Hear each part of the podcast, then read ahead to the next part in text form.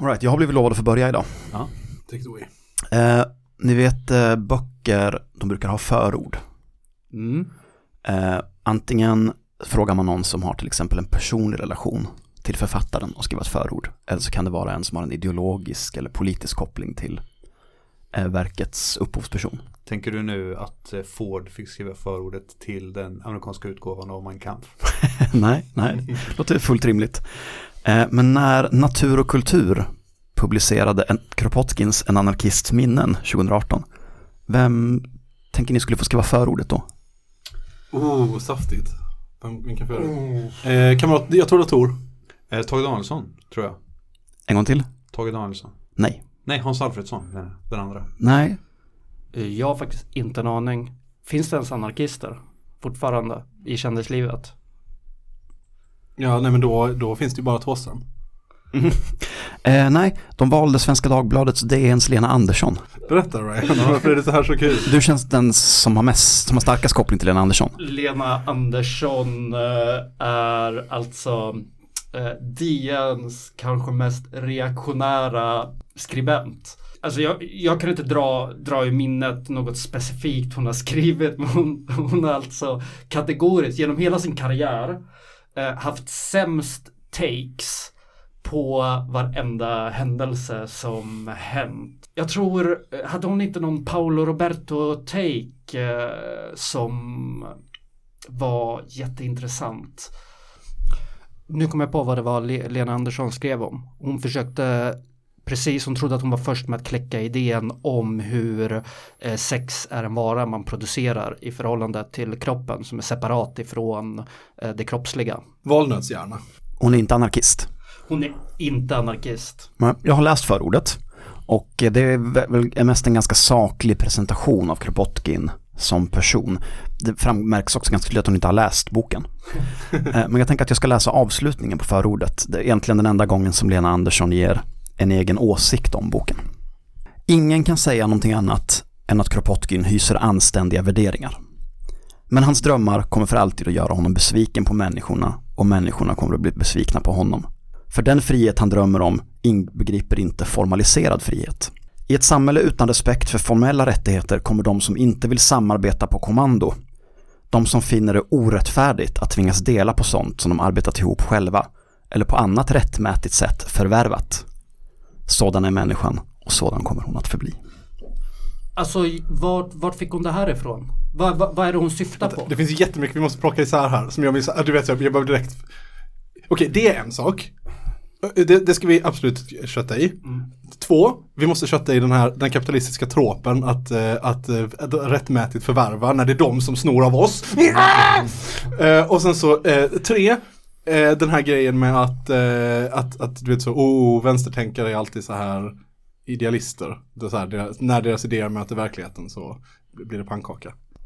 Förlåt, nu sitter jag och äter pretzels samtidigt som jag gör en tung ideologisk utläggning. Men det är inte bara de enda som inte i samhället som inte förvärvar saker med hjälp av andra. Det är ju de som bara förvärvar på andras rygg. Alltså där man tar bort det lilla med hjälp av. Mm. Det är ju chefer som äger företag som bara lever på andras mervärde som de producerar. Och det är det enda de gör. Så vad fan är hennes problem? Varför, varför förstår aldrig högern den här? Förstår de det eller låtsas de som att de inte förstår det? Eller fattar de det bara inte? Men så här är det ju att det finns en extremt eh, komplicerad eh, metafysisk eh, metafysiskt system för hur egendom eh, existerar i relation till människor. Eh, och jag tror att alla de här människorna är väldigt insatta i hur det fungerar, hur egendom eh, kan existera i relation till oss och dessutom har liksom så stipulerat en otroligt eh, snäv definition av vad egendom är. Så för dem är det ju naturligt. Egendom är någonting som inte existerar i förhållande till den som producerar utan egendom är någonting annat, något naturligt som människor oberoende av hur de producerar det kan ha en relation till.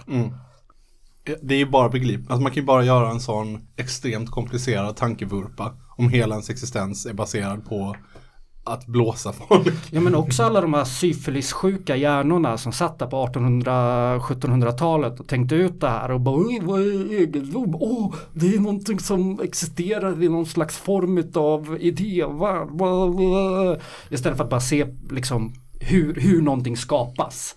Men det är alltid den här grejen, alltså så här, när vi pratar om, när vi pratar om kapital så pratar vi om, om land och, alltså landegendomar och, eh, och, och industri liksom. Eller så här, ja men kapital som producerar ett mervärde. Men högern vill ju alltid likställa det med min tandborste och min dammsugare. Att det är precis, att de fyller precis samma funktion i mitt liv liksom. I det att det är någonting som som ägs av någon liksom. Ja men grejen är ju också så här, det är alltid så, det, det steget de aldrig fattar är så här bara, ja, hur har du fått din dammsugare? Jo, den har du fått för att andra människor jobbar. Din jävla idiotchef. Du producerar ingenting, ingenting av värde. Har du någonsin, alltså, det är bara, det är så, det finns de här syfilishjärnorna som la så mycket tid på att skriva och komma på det här. Och sen finns det de jävla valnötshjärnorna som har gjort en karriär på att bara rapa upp de här, alltså å- å- återupprepa de här sakerna igen. Mm, men en ganska rolig diss att natur och kultur istället för att låta en anarkist skriva förordet eh, låter Lena Andersson skriva hur Kropotkin är en ganska gullig gubbe med ganska fina idéer som aldrig kommer att fungera. Kaminter.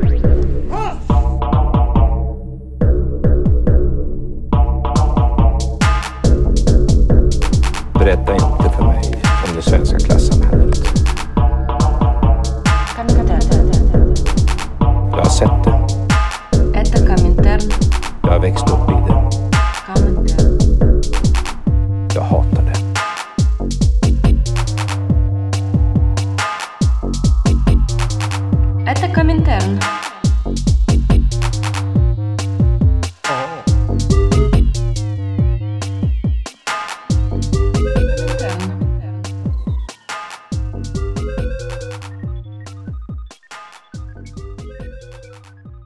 Hej och välkomna till den fjärde säsongen, terminen om man så vill, av podcasten Komintern. Eh, Jag heter Andreas och med mig i den nyrenoverade Studio Sörmland har jag Gaspar. Jag har bytt namn. Necrosage från och med nu. Mm, Jag kommer aldrig att ta det i min mun. Ja men det, så är det i alla fall. Ryan Ja, hallå, hallå, hallå. och Tor. Ja, hej hej. Vad har ni gjort i sommar? Jag har den första biten av semestern knegat, eller semestern, den första biten av sommaren har jag jobbat i så corona, coronavården. Nej, jag har jobbat i vården under corona. Men det, det hör varken hit eller dit. Sen skulle jag ha mina tre veckors semester. Tajmade in första dagen när det var riktigt fint väder. Sen var det bara riktigt, riktigt fint väder. Hela min semester. Dagen jag började kom regnet. Badat massor, haft det extremt härligt.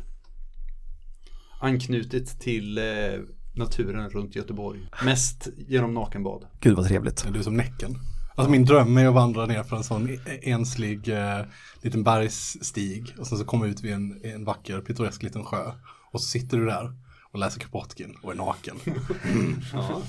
Då skulle du varit i, i um, Vätterfjäll i somras. Mm. Hade det kunnat hända? Eh, ja, jag, jag minns inte. Alltså, jag, jag vet inte, jag gjorde väl, jag hade väl trevligt antar jag. Alltså, jag drack för mycket när jag var ung. Jag, jag, liksom, jag kommer ihåg två veckor bakåt. Men det var, nog, det var nog nice.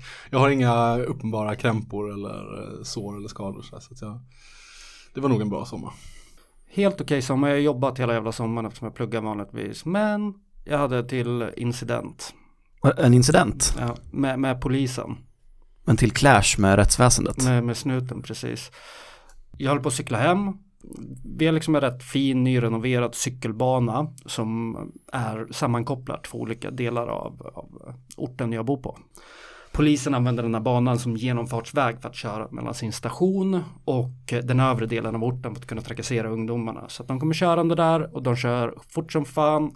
Så jag pekar finger åt dem och Som man gör. Ja, som man gör. Och så cyklar jag hem. Och eh, så hoppar jag in i köket och satt och snackade med brorsan. Och då ser jag den här polisbilen eh, cruisa omkring ute på gatan. Och så tänker jag, fan eh, sjukt, vad fan gör de här? Så jag går ut eh, i bara överkropp. och eh, ser att när de kommer körande emot mig så börjar de peka så här frenetiskt åt mitt håll. Jag ser det genom vindrutan och så. Och sen kör de upp framför där jag bor och hoppar ut tre, eller det ska hoppa ut tre snutar. Men då släpper jag hunden lös. Så de vågar inte gå ut ur bilen. eh, för hon står och skäller på dem. Um, Så att de börjar kommunicera med dig från bilen. Ja, från bilen liksom. Ehm, Genom någon slags högtalarsystem eller genom att skrika ut genom fönstret. eh, genom, de kommunicerade med språk, eh, med kroppen. De försökte gå ur bilen men de vågade inte. Så jag fick ropa in hunden igen. Så hoppar de ur, tre stycken snutar, ställer sig framför där jag bor och vill veta varför jag pekar finger åt dem. Vad som om de vore fröknar på skolgården. Ja, så, så, så jag, jag, jag förklarar ju bara att det får ju jag göra. Ni får ju liksom lära er att ta ett finger. Eh, det ville de inte ta. Eh, så det blev eh, munhugg och eh, det är liksom, jag vet inte hur, hur, hur länge det skulle pågått om det inte vore för att min nakna brorson kom ut springande och skrämde iväg dem till slut. Vilken oerhörd Trailer Park Boys-scen. Med den här halvnakna familjen och de vilda hundarna. Ja, ja men verkligen. Men det är typ det. Det går ju typ inte att bo där längre. Det är så jävla mycket poliser överallt. Nu Du måste ju- alltid ha nak ett naket barn med dig för att freda dig. verkligen. Fan. Eh, Jag har spelat in podd hela sommaren. Dels tillsammans med dig, Gaspar, jag väljer att fortsätta kalla dig för, Jaha. eh, med Svante. Vi har pratat eh, historiska vänstergrupper.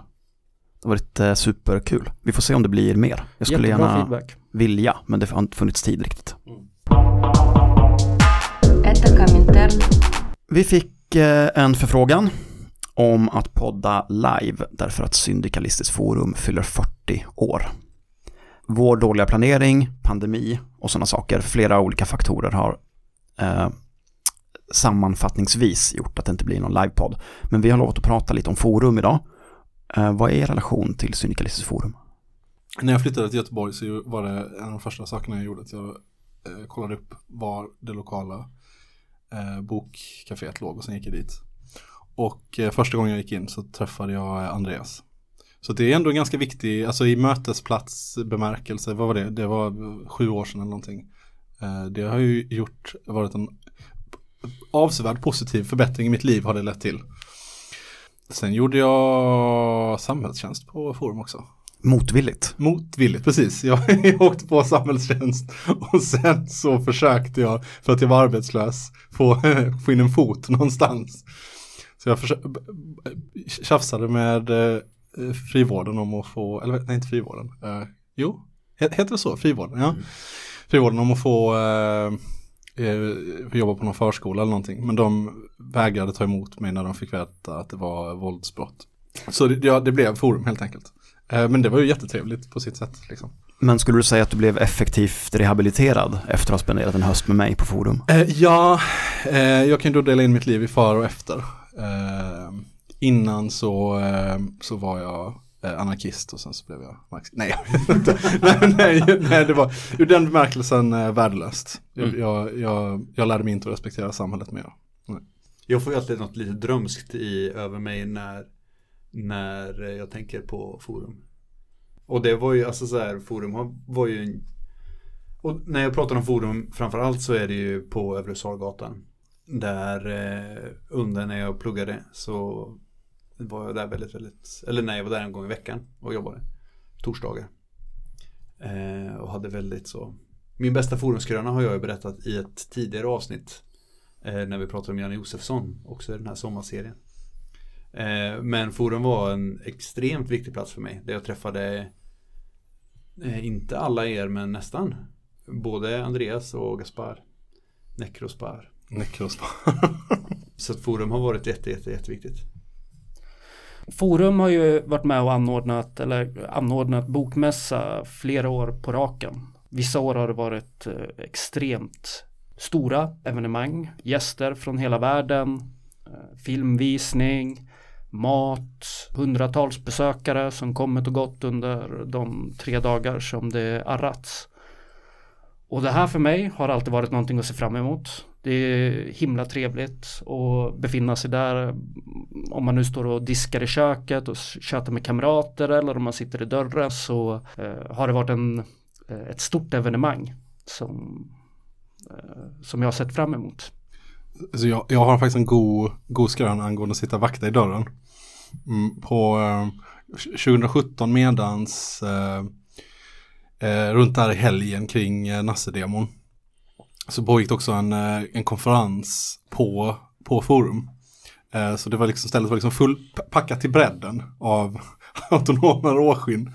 Och sen så, så någon tidig morgon, så klockan nio på morgonen eller någonting, så står det två danska kamrater, unga, eh, 16-17 år gamla, eh, och röker och du vet så, det, det, har käkats väl frukost innan mötet ska börja.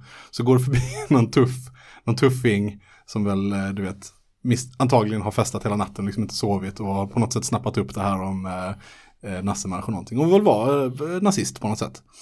Eh, som får för sig att knuffa och bråka lite med de här två eh, killarna. Så en av dem eh, eh rasar liksom in i, i kaféet för att han blir inknuffad liksom, och, och faller bakåt på dörren. Trillar in. Och då så exploderar hela, hela konferensen ut, 20 pers. Och eh, bokstavligen talat käppjagar den här fascisten ner för Linnégatan. Han blir upphunnen någonstans i höjd med Gyllene Prag. Och sen så, så går det som det går. Det är en lustig händelse. Så jävla fel tillfälle att liksom stå och mucka. Jag har spenderat mycket tid på forum, älskar forum, men jag tänker, när jag funderade på mitt varmaste forumminne, eller mitt sjukaste forumminne, så tänkte jag också på 2017. För vilket sinnessjukt kvartal det var där, från juli till oktober. Det började med resan till G20 i Hamburg, juli va? Ja, slutet på juli. Mm, mm, mm. Precis, vilket var en eh, administrativt och logistiskt rätt stort projekt för många av oss.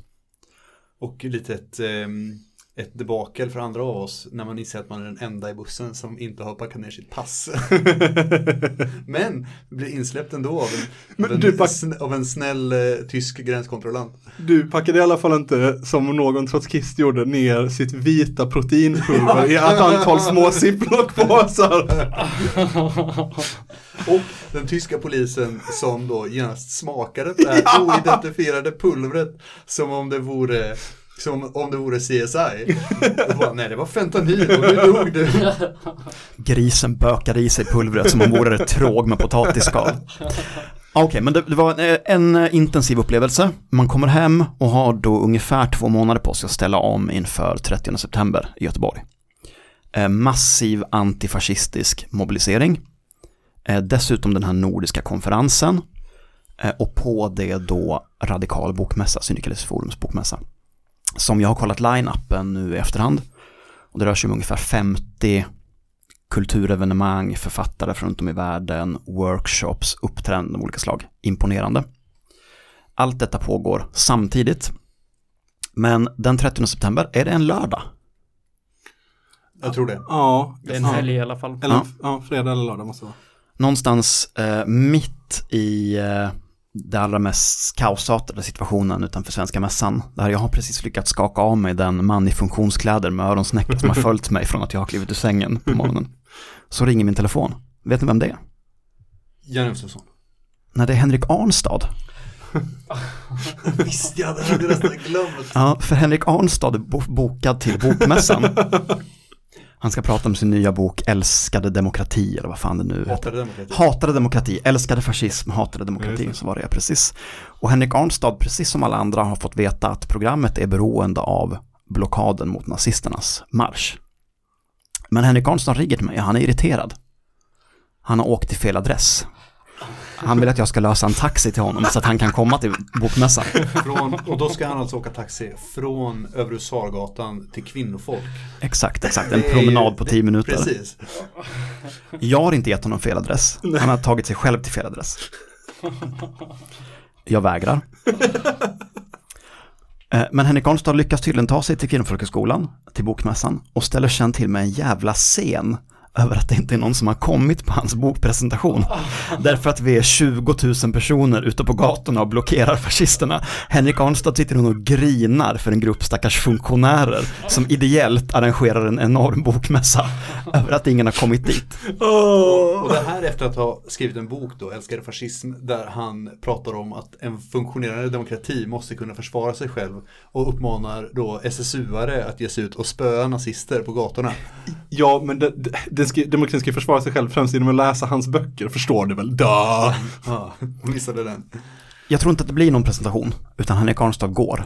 Skickar några dagar senare ett otroligt syrligt och grinigt mail till mig. Ja, det, jag tror att det är den värsta personen jag har träffat genom forum. Mm. Dissonansen mellan teori och praktik. Det är liksom när man göttar ner sig för mycket i det teoretiska så blir det väl så här. Men det finns ju, vi har det, jag, fan. Det är en kamrat eh, som talar mycket, eller som har sagt smarta grejer om det här med eh, skillnaden mellan faktiska liksom eh, organisatörer slash aktivister slash klasskämpar och de, den intelle, det intellektuella skiktet liksom, de intellektuella. Alltså det, det, är en, det finns någon slags skillnad, det är väldigt svårt att syntetisera dem, det finns väl ett, ett fåtal som lyckas göra det. Men för det mesta är det två olika grupper som liksom ibland korsas deras vägar men ofta så studsar det också och blir liksom så här lite dålig stämning. Det, det är helt enkelt lite olika grejer. Mm, när vi pratade om eh, vänsterstilar för, ja, när var det? Det var någon gång i den här säsongen eller förra eller förrförra. Eh, Förlåt, snabbt. Master Blasters dialektik kan vi kalla det. ja, ja, Masterblaster-dialektiken, absolut. men då pratade vi om eh, så eh, Tumblr, Twittervänstern och så våldsrollspelsvänstern. Och att de inte överlappar så mycket.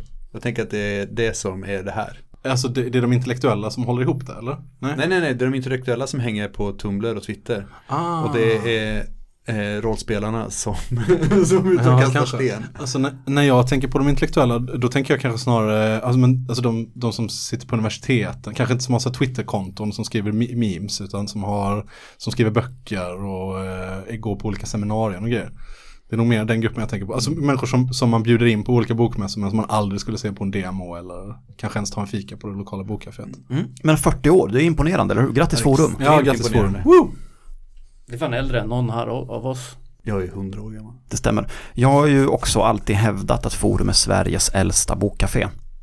Eh, Men genom den här poddserien under sommaren så har jag förstått att det är en sanning med modifikation. Därför att bokcaféet i Jönköping är ju typ en informell arvtagare från arbetarmakt, alltså anarkisterna, inte trotskisternas, deras gamla bokhandel i Jönköping. Och det skulle ju göra dem betydligt äldre. Mm. Men de är dåliga på att höja och pusha det arvet. Mm, det är de.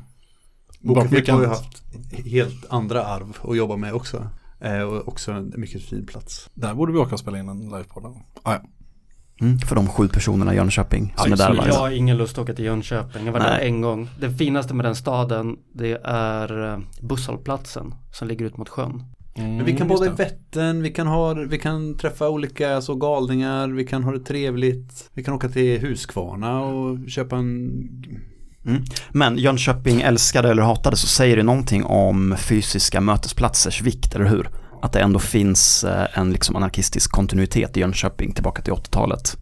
Absolut. Hur gammalt är Café 44? Eh, Jag vet inte när de köpte, det, hu- vad är det huset heter? Kapsylen, det var ju det som Kapsylen. köptes för LSD-pengar. Ja, det togs också upp i det. sommar, eh, sommarspecialen. Det är, det är 100% jättesant. Men, men Café 44 är också lite så, alltså vad fan har de, typ eh, en skivback och, och några t-shirtar liksom. Det är inte riktigt samma sak. Det är ett punkhus som har en boklåda i entrén. Ja, precis. precis. Ja, sen har de gjort ett superjobb tycker jag för att fräscha upp den pyttelilla ytan som de har att jobba med där, infobokhandeln. Ja, precis. Men absolut. Men det, och sen vadå, de har ju skitbra mat och jag har aldrig varit på spelning där men jag har varit i lokalen. Det, det kan man säkert ha, jag ser punkspelningar liksom. Så. Jag Jag har andra styrkor. Jag har sett Tragedy, nej jag har inte sett Tragedy, jag har sett eh, Against Me och något nykängd där. Det var väldigt bra. Men jag tänker på det här med fysisk plats. Vi alla, mm, nästan Fysiska alla här, platser. Fysiska platser, rummet. Eh, vi är nästan alla politiskt eh, organiserade i en organisation. Alltså inte bara att vi eh, gör politiska saker. Eh, och det är ju ett återkommande problem är ju att vi inte har någon, något ställe att vara på. Utan vi får hyra in oss, vi får låna lokaler, vi får hoppas att, att på andra organisationers välvilja och sånt. Och då är det ju svårt att ha en plats där man träffar alla andra på. Det här är liksom inte Malmö där man springer på alla man känner hela fucking jävla tiden på stan. Utan det här är ju en, är en riktig stad. Där man med, med liksom avstånd och kollektivtrafik och liksom det Forum är ju Det är ju livsviktigt för den autonoma rörelsen här. Vi, vi, vi kommer inte träffa varandra annars. Nej, men vi skulle behöva mer. Vi skulle behöva ett hus stort som hela Victoriahuset. 100% ja. kommer jag behöva komma in här och negga min tråkiga gamla take att eh, rörelser som skapar så mycket infrastruktur de behöver. Eh, och man, ska, man vill, och den optimala situationen är att det alltid känns som att man har lite för lite. För då är man hela tiden på väg att växa. Medan en dålig situation är när man har till exempel en hel studentnation men det känns som ett spökskepp där man har så svårt och, för då drar det jättemycket energi. Jag ser inte det som någon nödvändig relation mellan uh, att, att ha ett rum och att stagnera liksom. Eller att ha en plats eller att liksom leva. Eller, eh, eller att man uh, rör sig framåt när man lever på marginalerna. Jag förstår vad du menar. Men jag tror också att det fyller en viktig social funktion. Att det måste också finnas en plats där man kan, där man kan vara trygg, där man kan träffa andra, där man kan lyssna på musik, kolla på film. För det är ett väldigt, det är ett otroligt fientligt samhälle vi lever i liksom. Det är synd att du säger det för jag hade precis tänkt lansera idén att du kommer hem till mig och lurpassar i olika rum och spöar mig om jag befinner mig i fel. Så att jag aldrig riktigt känner mig trygg hemma för då tänker jag att det kommer göra mig till en effektivare person. Liksom. Är inte det en... Som Rosa Pantern. Den Rosa Pantern. ja, precis. Men det ska, vara, det ska vara bundet till vissa rum och så ska du säga så här i början av veckan, nu får du inte befinna dig i studion eller i ditt vardagsrum för då kommer jag att klora upp dig. Nej men jag upplever, alltså så jag upplever raka motsatsen mot vad du säger. Eh, att det har funnits länge den här diskussionen om huruvida så här, det går upp så mycket energi i att ha en, en att hålla ordning på en plats liksom, eller att, att driva en, ett bokcafé eller ett aktivitetshus eller vad det nu kan vara. Eh, att för mycket energi från rörelsen går upp i det projektet. Men med forum på, på Övre Salgatan så upplevde jag inte det alls. Utan jag upplevde snarare att det var något som var direkt stärkande för rörelsen. Att folk kom dit, pratade med varandra, fick idéer, det hände saker, det nätverkades. Allt det här tycker jag är jätteviktigt. Mm. Men det är en balans, alltså det finns ju en risk också att man är för liten och att man tänker sig att man ska börja driva lokal. Mm. Och sen så går all energi upp i det bara. Det tror jag absolut är en risk som man ska vara medveten om. Ja, då har vi dragit den, den diskussionen som, man, som vi nog alla har haft vid något tillfälle. Klara, men vi har lovat att istället som kompensation för att vi inte kan vara på Forums bokmässa så har vi lovat att prata lite om temat för årets bokmässa, vilket är hopp och framtid. Это Коминтерн. Klart att det är lätt att känna hopp inför de eh, olika sociala rörelser som är på frammarsch, till exempel USA. Nu i Tyskland har det ju börjat bryta ut gigantiska protester. Jag har inte superkoll på hur det är i Frankrike just nu. I Bolivia så är folket och blockerar igen. I Chile är proteströrelsen på uppsving igen.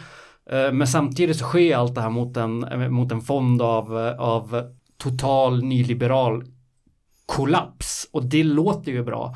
Men det som händer är ju eh, en accelererad återhoppningspolitik, eh, snabb nedmontering av, av välfärd, etc, etc, etc. Men vi ska försöka. Jag hoppades ju, jag hade fy, fyra eller fem personer som jag hoppades skulle stryka med under coronapandemin. Och det, alltså, det är inga jätte, det är ingen jätteskräll. Det är Bolsonaro, det är Trump, det är Erdogan, det är Putin ja, jag tror att det var dem. Martin Melin. Jag tror att det var de fyra som jag ville. Jag fick ingen av dem. Nej. Jag fick nästan Boris Johnson. Nästan. Men han klarade sig. Nästan både Bolsonaro och Netanyahu va?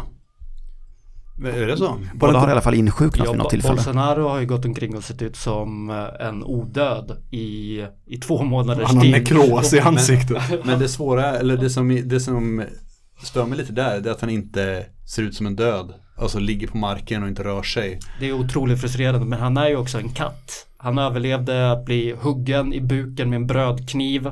Han har överlevt att vara sjuk minst två gånger i corona.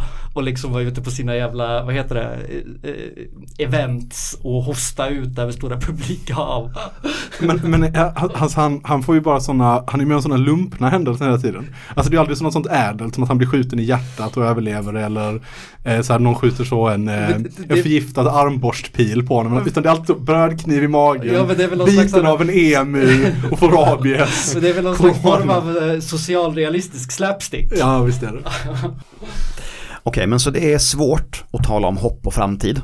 Eh, Men när vi bestämde oss för att vi skulle nappa på det temat så skickade du ut en artikel i tidningen ETC, Ryan. Vill du Ehm, presentera den? Ja, det är en artikel skriven av en student på ekonomisk historia i Stockholm som heter Kapitalismen måste demonteras steg för steg. Jag är inte helt hundra på att det är det artikeln handlar om. Jag tycker att det är... Nej, Jag är så ju... tyckte jag förstod vad hon menade första gången. Men ju fler gånger jag har läst den här texten desto mer förvirrad Exakt, blir den. Förlåt, fortsätt. Vi kan se det, den här artikeln handlar helt enkelt på och, och, om liksom också en urgammal fråga. Vad fan heter det? Planekonomi eller marknadsekonomi? Eh, vilken ska det vara? Här har vi ett eh, här har vi ett utdrag ur själva debattartikeln. Istället för planekonomins totalitära lösningsmodell finns ett begrepp jag tror mer på. Pluralistisk ekonomi. Som namnet antyder går det att ha flera parallella perspektiv på, en, eh, på ekonomi. En modell måste inte passa, in, eh, passa alla. Och vi kan bryta ned ekonomi i delar som passar olika områden. Det kan gälla geografiska och kulturella utrymmen och även andra sorters territorium. Vi har redan försökt uppdatera BNP-måttet genom att klämma in klimatet, lycka och hälsa, men utan framgång. Vi ser snarare hur finansialiseringen av världen binder fler och fler områden till aktiemarknaderna, vilket ökar sårbarhet vid varje ekonomisk svängning. Men vad är en pluralistisk ekonomi? Eh, jag googlade Ja. och jag fick inga träffar. Jag förutsätter bara att hon menar en blandekonomi. Alltså hon menar väl socialdemokrati? Eller det är väl enda sättet det här är begripligt på. Om hon, för att hon har skrivit med, eh, hon har skrivit kapitalism är inte så bra. Det finns problem med det. Marknaden får inte bestämma allt. Marknaden borde inte få bestämma allt. Vissa saker borde folk få bestämma. Det är socialdemokrati. Eller? Alltså den här grejen att man måste uppfinna nya begrepp för för, okej men du har läst Keynes, svinbra. Okej, det är keynesianism, vi, det är ändå ett begrepp. Det har funnits med ett tag. Men hennes problembeskrivning, hur kan vi tro att endast två ekonomiska modeller är möjliga? Jag skulle säga att det stora problemet idag är att det inte erbjuds några som helst alternativ till ett ekonomiskt system. Nej, precis. Men verkligen och att man också framar um, planekonomin som en auktoritär lösning på eh, kapitalismen. Planekonomi är bara planekonomi. Det, Ja. finns, det finns vissa historiska exempel på det som har existerat inom ramen för, eh, för auktoritära te, liksom, tendenser och så. Men planekonomi är ju Ja, och hon använder ju inte ens termen eh, auktoritär. Hon talar ju om totalitär. Ja. Alltså hon har ju idén om att den, den planerade ekonomin ska planeras av eh, Byråkrater på ett byråkrater, kontor. med Stalin liksom. Men varför kan inte idén vara att den planerade ekonomin ska planeras av de som lever i samhället? Är det, den idén för hon inte fram alls heller. Men jag Liksom. tycker också att det blir så konstigt att man väljer att använda sig av vissa begrepp. Totalitär hu- hur? Vi snackar om produktion. Kan, kan man vara totalitär mot varor? Är det det de menar då eller? Nej, så jag tror att, jag tror att hon i den här texten förutsätter att när man planerar en ekonomi så, måste, så är det i sig en, ett totalitärt grepp. Per definition så kommer planeringen uppifrån Precis. Men, och påförs de som producerar. exakt. Med tanks. Men då med samma, med det, men om man mäter på det sättet så är ju marknadsekonomi också totalitär. Eftersom den också påför, jag får ju inte bestämma någonting. Fast den påförs av en osynlig hand istället för en byråkrat. Precis, så hon vill ha att den ska påföras eh, lite blandat. Det ska påföras lite av en osynlig hand och lite av en man med mustasch. Daddy påför med produktion. ja, precis. Men jag vill ändå ge den här personen benefit of the doubt. Det är en person som läser ekonomisk historia och jag tänker att det kanske finns någon djupare idé bakom som bara inte framkommer i texten. Debattartiklar ska vara väldigt eh, kompakta eh, och slagkraftiga. Men det saknas ju hela den delen om vad det skulle innebära med den här pluralistiska ekonomin. Men, men jag får lite känslan av att, eh, att det här är en person som har suttit med sitt kompisgäng och så har de haft ganska ingående diskussioner under längre tid om hur man ska komma runt det här och sen så har de liksom eh, inte snöat in men de har, liksom, de har börjat skapa sin liten egen begreppsvärld. Eh, och, sen så har, och sen så har de skrivit den här, har de skrivit det här inlägget som är begripligt i den begreppsvärlden. Men det förutsätter en massa saker och sen så skickar man in den till en tidning som säger ja. Men vilken ekonomisk debatt är det hon följer där planekonomi, det är det jag tänker, att de, har, de är ett gäng på fyra kompisar som har en helt egen diskussion. där en hela tiden peppar och pushar för Exakt, planekonomi. exakt, exakt. Sen så det är så, nej det måste vara osynlig handel. Sen så, nej det måste vara planekonomi. Så, ja. Vi, det kan vara så här också att vi har ett framtida Sverige. All, eh, all produktion utav eh, spannmål, grönsaker, kött sker genom en planekonomisk modell. Det är helt enkelt för att man ska vinna mot svinn, vinn mot svinn, vad fan det heter. Ja. Men Sverige är också ett land som producerar maskiner, maskindelar, bilar, eh, järn och det ska på global skala skö- skötas genom någon slags form av marknad eh, helt enkelt. Alltså genom, genom ett kapitalistiskt system där eh, priset signalerar efterfrågan helt enkelt. Så kan det ju vara. Men peppar hon merkantilism då? Att bara, vi ska inte importera någonting, vi ska exportera så mycket som möjligt. Det finns en annan take här som jag snott från, från Ryan. Eh, men men det, man kan också tänka sig det pluralistiska, den pluralistiska ekonomin som att det finns en, säg en tredjedel av samhället som inte räknas som människor. Utan som är, nu använder jag ett plumpt begrepp här, men slavar. Eh, och de, eh, de lever bara, de är bara djur. Och och på, så, på så sätt så har man en, en annan parallell ekonomi som pågår också. Just det, för pluralism betyder bara att det ska få finnas många saker. så att det ska precis. även finnas feodalism. ja. Men det är väl ett av de äldsta eh, ekonomiska systemen är ju pluralistisk eh, ekonomi. Vi har slavarna, de får husrum och mat. Men sen så har vi också de som äger slavarna som handlar med pengar, guld och vad det nu kan vara. Precis, och då pågår det en, en pluralitet av ekonomier. Men då tänker jag också att så här, under Sovjet, det var ingen totalitär, det var ingen totalitär ekonomi, om det framkom, liksom, eh, eftersom att det fanns en stor, eh, en svart, en informell ekonomi liksom. Nej, det var också en Det pluralistisk är också en ekonomi. pluralistisk ekonomi. Och då kan man ju inte, alltså så här, då blir ju den, den, kriminell, eller den, den kriminella ekonomin, alltså droger, vapen och liknande liksom, den finns ju också. Ja, eller man skulle, eh, den skulle man väl kunna säga är, är också kap, alltså Ja, kapitalistisk. hyper, hyperkapitalistisk. Ja, men å andra sidan, jag kan ju gå på ett museum gratis nu och ta del av andra människors värde utan att ge någonting tillbaka. Eh, jag kan få vård utan att betala för någonting. Så vi lever ju också i en pluralistisk ekonomi just nu. Det är bara det att, eh, ja, Ja, men 100 procent.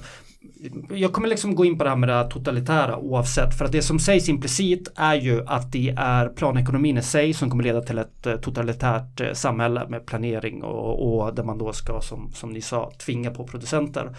Ehm, men frågan är inte om det är ett auktoritärt system som saboterar planekonomin.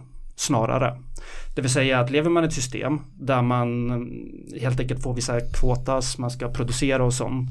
Men samtidigt riskerar att skicka till Gulags så börjar man skicka ut felaktiga utgifter, eh, uppgifter om produktionen om man inte har mött produktionsutskotten eh, eh, och sånt. Det vill säga att lever man i ett icke-fungerande inom citationstecken kommunistiskt samhälle så kommer planekonomin misslyckas på grund av att alltså det auktoritära föregår det, det planekonomiska. Mm. Sen är det ju en falsk motsättning också. Alltså det är ju en eh, liberal självlögn att eh, den liberala ekonomin skulle vara oberoende av planering eller centralism på något sätt. exakt. Jag tänker på några av oss har läst eh, People's Republic of Walmart. Vill ni säga några ord om den? Eh, helt enkelt så här att det, man, det författarna upptäckt är att det pågår just nu eh, de absolut största och eh, mest resursrika företagen eh, hänger sig nästan fullständigt åt eh, planekonomi. Internt, Ja. helplanerade ekonomier. Ja, Helt planerade ekonomier. Och bara för att sätta Walmart i perspektiv då, så är det, jag, tror att om man skulle räkna ett BNP på Walmart så skulle det vara i nivå med Sovjetunionen, med Sverige idag, med Sverige idag. Sovjet på 70-talet. Just det. Om man tänker i storlek av arbetsgivare eller arbetsköpare så är det världens tredje största. Mm. Efter den amerikanska försvarsmakten och den kinesiska befrielsearmén. Ja, det är, det är så svindlande. Eh, men det är ju också, det sätter ju fingret på någonting, alltså att, alltså att en planekonomi kanske inte bara saboteras av, eh, av ett totalitärt samhälle, eller att det är, de är, det är omöjligt att kombinera de två, vilket jag tror är sant. Eh, utan också att kanske inte, alltså de tekniska möjligheterna fanns för en, en ordentlig fungerande planekonomi tidigare. Medan, alltså nu är det ju ganska lätt att tänka sig att om jag Eh, om jag gör mitt pass på den lokala, eh, liksom, eh, jag vet inte, matsalen i det kommunistiska samhället, liksom, dit man går och äter eh, när man är hungrig och inte betalar, eh, så är det ju ganska, då, liksom på 70-talet så kanske då hade jag behövt skriva en lista och skicka in den någonstans om hur mycket sparris jag behövde till nästa vecka. Men, men nu är det ju så jävla lätt att bara knappa in i, min, i kommunismappen. Jag behöver 70 sparris. Um, och det, alltid kan skickas till en dator som är kommun- kommunistdatorn i, uh, i Göteborg. Och sen så skickar den ut en, eh, liksom, en notis till sparrisförrådet och sen så kör de 70 sparris till min, liksom, till min restaurang. Eller, och det är inte min restaurang för att sen så imorgon så kommer Ryan eh, komma dit och då kommer sparris, fattar ni vad jag menar liksom? Det är det som eh, brukar kallas för beräkningsproblemet, vilket var ett stort bekymmer för de sovjetiska byråkraterna då. Alltså det är jätte- jättesvårt att förutsäga behov och efterfrågan. Men nu är det också, alltså det här Det här med internet av grejer och hela den diskussionen Det är någonting som jag ser som en direkt så framtidsdystopi och ingenting som jag vill leva i Men Alltså du behöver ju rent tekniskt sett inte ens knappa in någonting i din I din telefon Eller i någon kommunistapp För ditt kylskåp kommer redan veta vad som Vad som finns och inte finns liksom Precis. Jag vill bara understryka här att författarna menar att det var att planekonomin i Sovjet var att det fanns informationsbrist och sånt men att det huvudsakligen berodde på ett passivt sabotage ifrån den politiska klassen. Att, att det blev ohållbart att försöka driva en, en sådan ekonomi när det fanns så mycket eh, politisk makt som stod på spel samtidigt. Ja. Och författarna säger heller inte att Walmart är ett kommunistiskt paradis. Det är det ju inte, det är en fruktansvärd arbetsplats. Eh, Men det de säger är att förutsättningarna för en mer effektivt planerad ekonomi finns idag på ett annat sätt än vad det gjorde då. Precis, och det, jag tror att det är viktigt liksom att förstå vad det här är en reaktion emot. På Hayek på 70-talet. Hayek är eh, österrikisk, eh, tror jag, migrerade till eh, England på 30-talet eller någonting med sin familj efter, den, efter att ekonomin totalt kollapsade. Och eh, Ekonom. Han är ekonom precis. Eh, han blev ekonom och eh, inom, inom citationstecken filosof. Filosof i samma bemärkelse som Alexander Bard är filosof kanske. Lite, lite, lite mer eh, vässad liksom. Han utvecklade ju ett ekonomisk, en ekonomisk teori som helt enkelt bygger på att det enda, all form av socialisering i samhället sker genom marknaden. Varje människa är en informationsnod som signalerar på olika sätt vad det är som behövs och inte behövs. De här signalerna sker i form utav pris, prissättning helt enkelt. När ett pris ökar på någonting så betyder det att efterfrågan har ökat. När den sjunker så betyder det att efterfrågan antingen att marknaden producerar för mycket eller att det inte finns någon efterfrågan utav det. Det är omöjligt menar Hayek att försöka planera inför vad miljontals människor Eh, vill, känner för, tycker, den här stora massan av fri vilja, liksom eh, miljarder individuella subjekt. Det går inte att, att liksom föreställa sig ens. Utan det är bara priset som kan, kan eh, göra det. Och det, det här implicerar ju bara lite snabbt, jag ska inte köta in mig för mycket på det här, men det är en otroligt nihilistisk syn på människan. För alla andra värden som rättvisa och livskvalitet och sånt Eh, sopas undan och ses som sekundära. Utan det är någonting som först kommer kunna vara möjligt om människor tillskansar sig tillräckligt mycket rikedom att de kan betala för rättvisa och människovärde. Som det är nu. Nu lever vi liksom i den högsta, högsta formen av Hayek. Vi lever i hans hjärna. Men innan vi lämnar People's Republic of Walmart, ska vi säga något om Project Cybersyn också eller? För det kommer irritera Tor väldigt mycket tror jag. Äh, äh, Jag har, jag har det redan Ja, det här är Jag börjar antitroende. redan hetsa upp Ja. mig alldeles, alldeles strax. För att, eh, eh, bara så att, vi, så att vi gå- går in på det här lite mer. Diskussionen mellan de här anarkokapitalisterna och nyliberalerna och vänstern olöslig just nu som den är. För det som har hänt är att, eh, som vi redan har varit inne på, är att vi redan lever i en delvis planekonomi. Vi har centralbanker till exempel som kan injicera pengar för att få människor att bete sig på ett visst sätt. De kan studera, de kan köpa hus, eh, de kan bestämma löner, de kan bestämma, eller, eller eh, sätta lönegränser och sånt så att folk inte får sänka löner för mycket. De kan skapa jobb genom att investera i i infrastruktur och så. Så det finns, det finns aspekter utav det. Man kan också förhindra inflation eller öka inflation beroende liksom på hur ekonomin går. Så att det här planekonomiska existerar ju.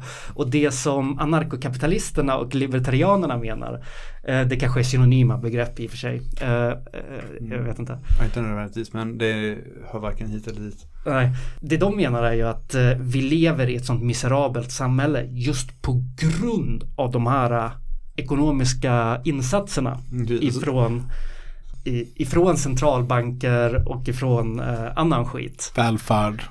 Precis, så att om man säger så här, ja men kolla hur långt eh, kapitalismen har fallit. Eh, kolla, kolla det här funkar ju inte. Så säger de, ja exakt det funkar ju inte. För eh, Marknaden måste släppas helt fri. Ja, precis, marknaden måste släppas helt fri. Och det de förespråkar alltså, det är någon slags form av eh, strukturlöshet. eh, där det inte ska finnas några som helst instanser, förutom militär och polis såklart.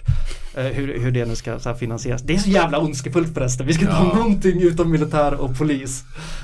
Men det är också... Men det är, Space Marines säkert också. men det är också väldigt tacksamt därför att då vad, vad de signalerar, eller vad man säger, de förstår ju på, då på sitt sätt, eh, lika väl som vi, att polisen i, till syvende och sist bara är till för att skydda eh, privat ägande. Eh, det är deras främsta och viktigaste uppgift. Ehm, så, att, eh, så att det är ju helt logiskt, eller så här, den, den, det finns ju ingen libertarian eller narkokapitalist som någonsin skulle vilja ta bort eh, just polisen. Uh, och det förstår ju de också, eller så här, men det, det är där det blir så svårt för dem. Alltså, eller det blir inte svårt för dem, de är bara så bara, ja, det är väl klart att polisen bara är till för att slå fattiga människor som, som, som tror sig ska kunna ha saker. Det säger väl sig självt. Men jag tänker att, eller så här, de skulle absolut kunna tänka sig, i, i, som jag uppfattar det, så skulle de absolut kunna tänka sig att, att eh, ta bort polisen. Om man ser polisen som statens vålds, eh, våldsamma, eller våldsmonopol liksom, eller repressiv apparat. Men det förutsätter ju att de här anarko, anarkokapitalistiska då, eh, feodalherrarna skulle ha en egen privatarmé istället som kan göra precis samma jo, uppgift. precis. Tydligen i alla fall så rör sig den amerikanska högern, Marco Rubio har ju gjort någon undersökning som handlar om planekonomi, mot att försöka instifta en mer planerad ekonomi igen. Alltså den är ju fortfarande superplanerad i USA. Skattereformer och sånt för rika är ju en slags form av eh, planering för att eh, överflytta resurser, vad det nu kan vara. Men de ser det som eh, den nya semikonservativa eller konservativa fascisthögern i USA de ser det ju som den enda lösningen för att konkurrera med Kina är att också börja planera eh, vissa aspekter av ekonomin. Alltså USA är ett sånt, USA är ett ställe som, som liksom verkligen, alltså det är ett sån, det är en sån gåta för mig. Det finns så extremt mycket vapen och det är aldrig rätt folk som dör. nej, nej, det är helt sant. Vidrig avrättning av en kamrat eh, häromdagen i USA av eh, amerikanska, var det US Marshals eller någonting. Kamrat som skyddade en demo i, från någon sån galen höger vigilante. Sköt honom rätt i skallen. Bra jobbat. Men sen så var det två dagar senare så letade de upp honom och sköt honom i hans hem. Hopp, du skulle... Hopp var det ja! Hopp. Jag hoppar tillbaka. Eh, Pippers Republic och Walmart. Project Cybersyn. Läste ni det kapitlet? Nope. Nej, jag känner till det sedan tidigare, det intresserar mig. Eller vi talar om eh, eh, det chilenska eh, dataprojektet, eller? Exakt, exakt. Mm, Vad ja. vet du om det? Vad minns du? Eh, jag minns att det var en, vad fan var det, en brittisk, eh, lite vilsen, egentligen inte socialist, eh, utan lite så sökare, datatekniker som av någon orsak fann sig själv i hjärtat av Chiles vandring mot socialismen. Och så försökte han eh, medelst informationsteknik och datorteknologi skapa någon slags plan, planekonomi. Mm. Året är 71 tror jag. Så det är Allende i Chile. Och man, man testar att placera ut, för man har det här beräkningsproblemet. Att man, det är väldigt, väldigt svårt att förutse Eh, dels produktionsmängder men också behov av det som produceras. Så man placerar ut, tror jag, 500 datorer på 500 viktiga fabriker i Chile kopplade till någon slags beräkningscentral som ser svinmycket ut som någonting ur Star Trek också. Vi lägger ut en bild i våra sociala medier sen tror jag. Eh, så att de här 500 datorerna skickade liksom information till någon slags huvudkontor med produktionskvoterna för dagen. Det är inte mer upphetsande än så, men det är någon slags väldigt, väldigt tidigt internet. Mm. Jag, jag tycker att det är extremt upphetsande. Eh, bara det. Och det är synd att det inte fick eh, gå längre. Tack så mycket Pinochet för allt annat. Även, även för detta st- st- står du i skuld till mänskligheten. Igår bara snabbt var för övrigt eh, 50-årsdagen sedan Allende kom till makten. Ja. Igår när vi spelar in alltså, inte igår när det sänds. Eh, men, eh, men det jag tycker är kanske mest spännande är någonting som, som Tor höll på att vandra in på innan. Eh, som jag tycker är den, eh, som jag tycker är en intressant kritik eller farhåga man kan ha kring det här. Du har naturligtvis helt rätt i det eh, Gaspar, att i kommunismen så kanske du inte behöver knappa in hur mycket du behöver av eh, ditten eller datten i en app därför att det är så kommunismdatorn kanske redan vet det. Eh, och jag tycker att det finns en viktig och intressant diskussion att ha om hur vi skapar maskiner för oss och inte hur vi blir till för maskiner. Liksom. För det kommer ju vara ett problem även under socialismen. Eller skapande. Alltså, det finns ju någon slags sån, om man tänker på eh, eh, gay space luxury communism eh, tendensen så har den ju en sån teknikoptimism som jag alltid gör mig lite illa till mods. Precis, vi vill ju vara de som hämtar mjölk i kylen. Vi vill inte att kylen ska hämta mjölk ur oss. Eh, exakt, exakt. Eller jag vill inte ens att kylen ska hämta mjölk till mig. Utan den ska ju alltid Jag vill att min kyl ska vara kall. och, sen, och det räcker. Du, jag Ja. stod, senast idag stod jag och tejpade min kyl. så jag är väldigt low tech, men ja. Nej men jag upplever den här liksom eh, övertron på, på maskiner och på teknik som, alltså, som jättefarlig. För att det gör oss så himla sårbara.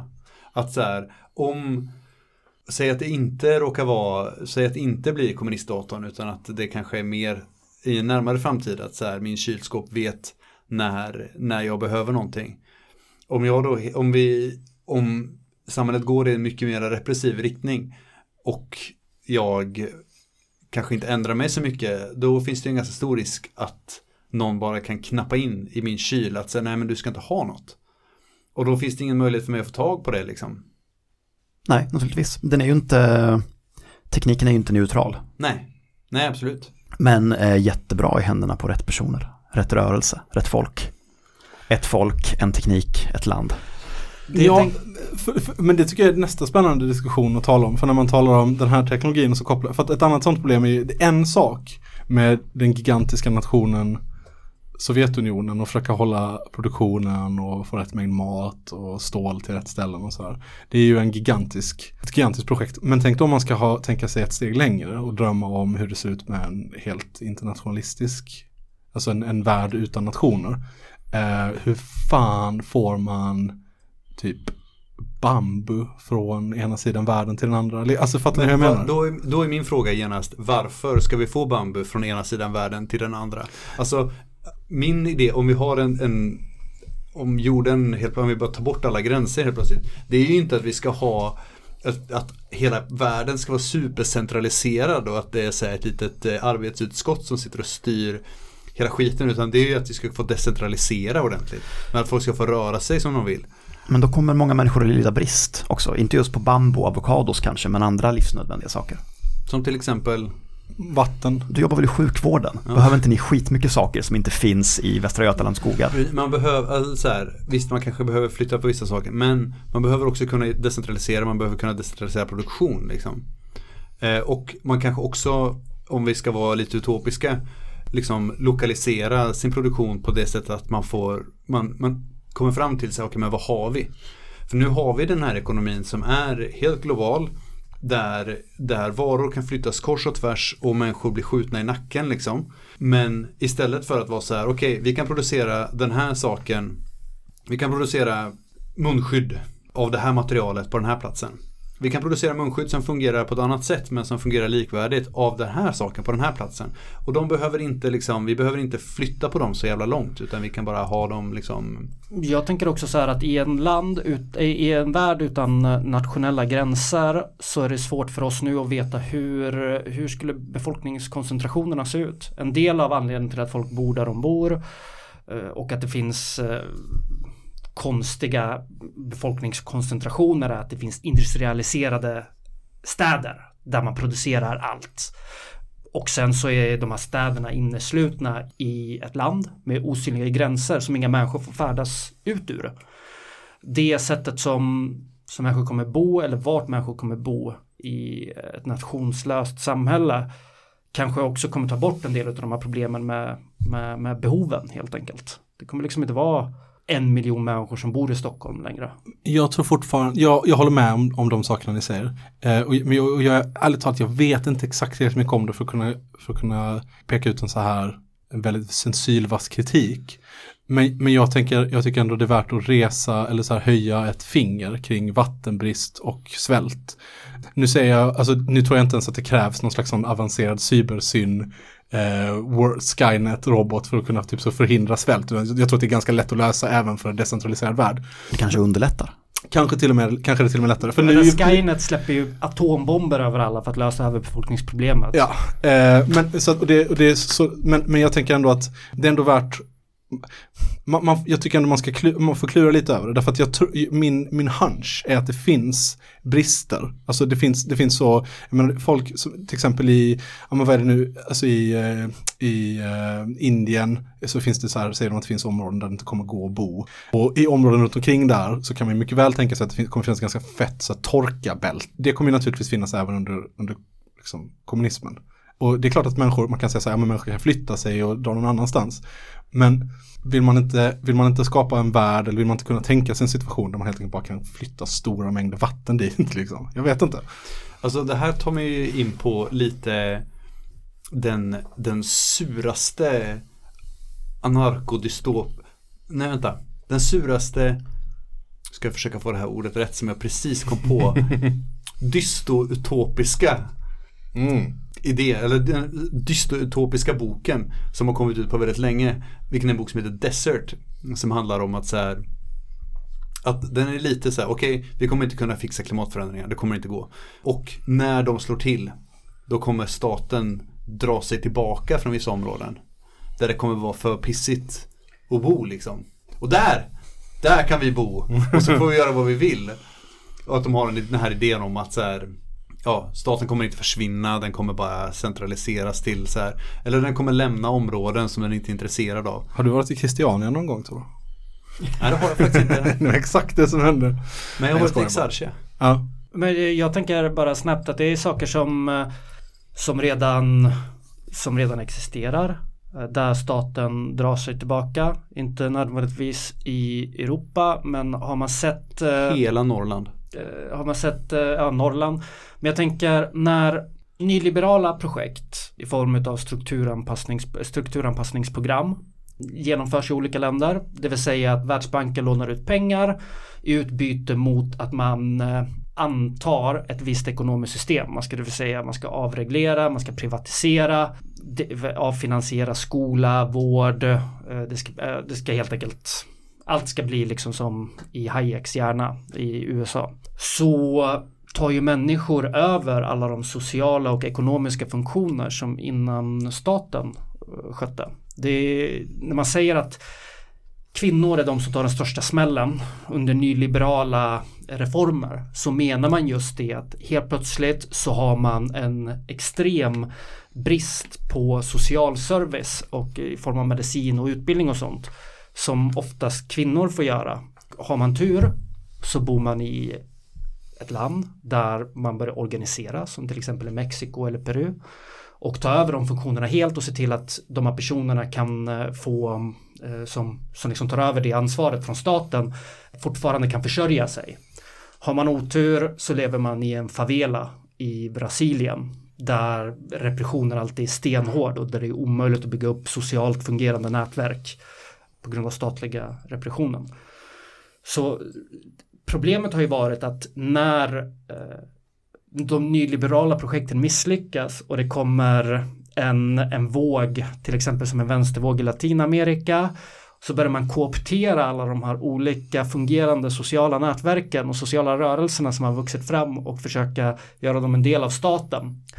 Vilket de här olika partierna som MAS i, i, i Bolivia eller Eh, eller eh, den socialistiska eh, koalitionen i Venezuela eller som post-Pinochet i Chile är ju att de lyckas ju kooptera rörelserna och ta död på dem när de gör så.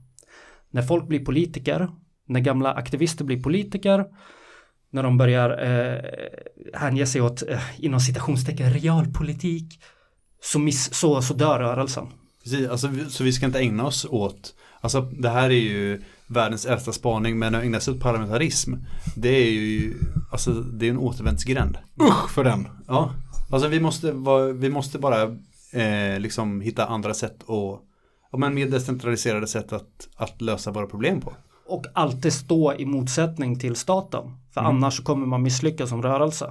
Precis. Hatar man polisen, då hatar man per definition staten. Det börjar bli väldigt varmt här inne. Ja, Och dåligt med syre.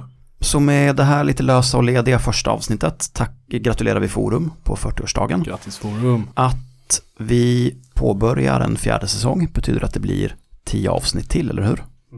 Ja, vad kommer att hända under hösten och vinterns gång? Det blir gäster. Gäster med gester. Det är dumt att flagga för det sånt här kan förändras. Men det blir lite gäster. Ja, det blir lite gäster. Mm. Right. Vi finns i olika sociala medier. Man kan följa oss på Instagram, Kominternpodd. Där lägger vi upp bildmaterial. Man kan följa oss på Facebook, där heter vi Komintern. Man kan mejla oss på kominternpodd.gmail.com Och man kan även numera lyssna på oss på Spotify.